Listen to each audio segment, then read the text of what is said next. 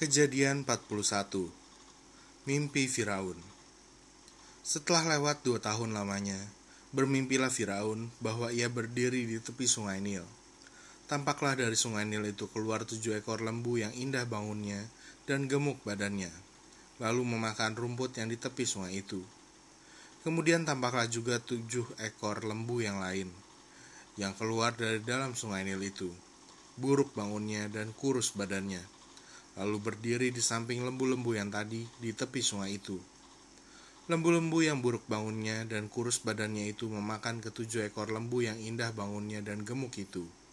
Lalu terjagalah Firaun. Setelah itu tertidur pulalah ia dan bermimpi kedua kalinya. Tampak timbul dari satu tangkai tujuh bulir gandum yang bernas dan baik. Tetapi kemudian tampaklah juga tumbuh tujuh bulir gandum yang kurus dan layu oleh angin timur. Bulir yang kurus itu menelan ketujuh bulir yang bernas dan berisi tadi. Lalu terjagalah Firaun. Agaknya ia bermimpi. Pada waktu pagi gelisahlah hatinya, lalu disuruh nyala memanggil semua ahli dan semua orang berilmu di Mesir. Firaun menceritakan mimpinya kepada mereka, tetapi seorang pun tidak ada yang dapat mengartikannya kepadanya.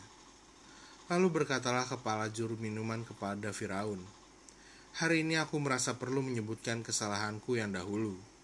Waktu itu tuanku Firaun murka kepada pegawai-pegawainya dan menahan aku dalam rumah pengawal istana beserta dengan kepala juru roti. Pada satu malam juga kami bermimpi. Aku dan kepala juru roti itu masing-masing mempunyai mimpi dengan artinya sendiri. Bersama-sama dengan kami ada di sana seorang muda Ibrani, hamba kepala pengawal istana itu. Kami menceritakan mimpi kami kepadanya, lalu diartikannya kepada kami mimpi kami masing-masing. Dan seperti yang diartikannya itu kepada kami, demikianlah pula terjadi.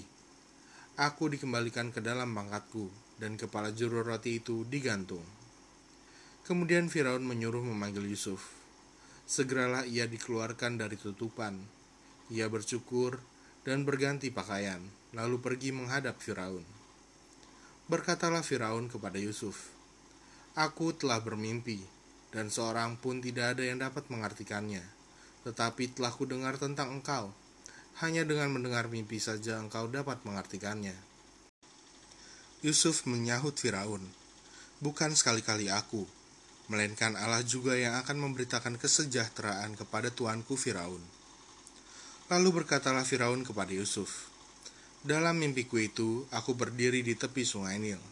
Lalu tampaklah dari sungai Nil itu keluar tujuh ekor lembu yang gemuk badannya dan indah bentuknya, dan makan rumput yang di tepi sungai itu.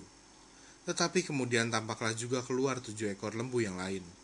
Kulit pemalut tulang, sangat buruk bangunnya, dan kurus badannya. Tidak pernah kulihat yang seburuk itu di seluruh tanah Mesir. Lembu yang kurus dan buruk itu memakan ketujuh ekor lembu gemuk yang mula-mula Lembu-lembu ini masuk ke dalam perutnya, tetapi walaupun telah masuk ke dalam perutnya, tidaklah kelihatan sedikit pun tandanya. Bangunnya tetap sama buruknya seperti semula. Lalu terjagalah aku. Selanjutnya dalam mimpiku itu kulihat timbul dari satu tangkai tujuh bulir gandum yang berisi dan baik. Tetapi kemudian tampaklah juga tumbuh tujuh bulir yang kering, kurus dan layu oleh angin timur Bulir yang kurus itu memakan ketujuh bulir yang baik tadi. Telah kuceritakan hal ini kepada semua ahli, tetapi seorang pun tidak ada yang dapat menerangkannya kepadaku. Lalu kata Yusuf kepada Firaun, Kedua mimpi tuanku Firaun itu sama. Allah telah memberitahukan kepada tuanku Firaun apa yang hendak dilakukannya. Ketujuh ekor lembu yang baik itu ialah tujuh tahun, dan ketujuh bulir gandum yang baik itu ialah tujuh tahun juga. Kedua mimpi itu sama. Ketujuh ekor lembu yang kurus dan buruk yang keluar kemudian, maksudnya tujuh tahun. Demikian pula ketujuh bulir gandum yang hampa dan layu oleh angin timur itu. Maksudnya akan ada tujuh tahun kelaparan. Inilah maksud perkataanku. Ketika aku berkata kepada tuanku Firaun, Allah telah memperlihatkan kepada tuanku Firaun apa yang hendak dilakukannya. Ketahuilah tuanku, akan datang tujuh tahun kelimpahan di seluruh tanah Mesir. Kemudian akan timbul tujuh tahun kelaparan. maka akan dilupakan segala kelimpahan itu di tanah Mesir, karena kelaparan itu mengurus keringkan negeri ini. Sesudah itu akan tidak kelihatan lagi bekas-bekas kelimpahan di negeri ini karena kelaparan itu, sebab sangat hebatnya kelaparan itu. Sampai dua kali mimpi itu diulangi bagi tuanku Firaun. Berarti hal itu telah ditetapkan oleh Allah dan Allah akan segera melakukannya. Oleh sebab itu, baiklah tuanku Firaun mencari seorang yang berakal budi dan bijaksana dan mengangkatnya menjadi kuasa atas tanah Mesir. Baiklah juga tuanku Firaun berbuat begini, yakni menempatkan penilik-penilik atas negeri ini, dan dalam ketujuh tahun kelimpahan itu memungut seperlima dari hasil tanah Mesir. Mereka harus mengumpulkan segala bahan makanan dalam tahun-tahun baik yang akan datang ini, dan di bawah kuasa tuanku Firaun menimbun gandum di kota-kota sebagai bahan makanan, serta menyimpannya Demikianlah segala bahan makanan itu menjadi persediaan untuk negeri ini dalam ketujuh tahun kelaparan yang akan terjadi di tanah Mesir, supaya negeri ini jangan binasa karena kelaparan itu. Yusuf di Mesir sebagai penguasa. Usul itu dipandang baik oleh Firaun dan oleh semua pegawainya.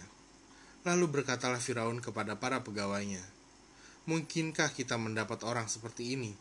seorang yang penuh dengan roh Allah.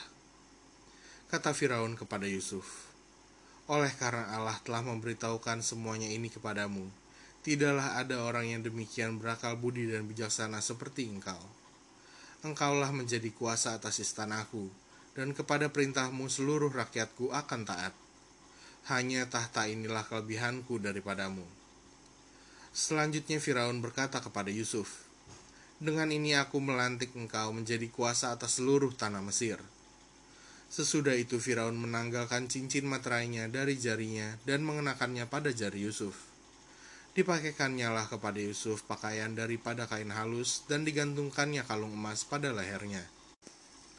Lalu Firaun menyuruh menaikkan Yusuf dalam keretanya yang kedua, dan berserulah orang di hadapan Yusuf, Hormat, Demikianlah Yusuf dilantik oleh Firaun menjadi kuasa atas seluruh tanah Mesir.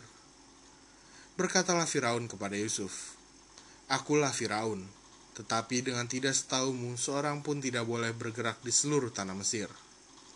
Lalu Firaun menamai Yusuf, Zafnat Paaneah, serta memberikan Asnat, anak Potifera, imam Dion, kepadanya menjadi istrinya. Demikianlah Yusuf muncul sebagai kuasa atas seluruh tanah Mesir. Yusuf berumur 30 tahun ketika ia menghadap Firaun, raja Mesir itu. Maka pergilah Yusuf dari depan Firaun, lalu dikelilinginya seluruh tanah Mesir.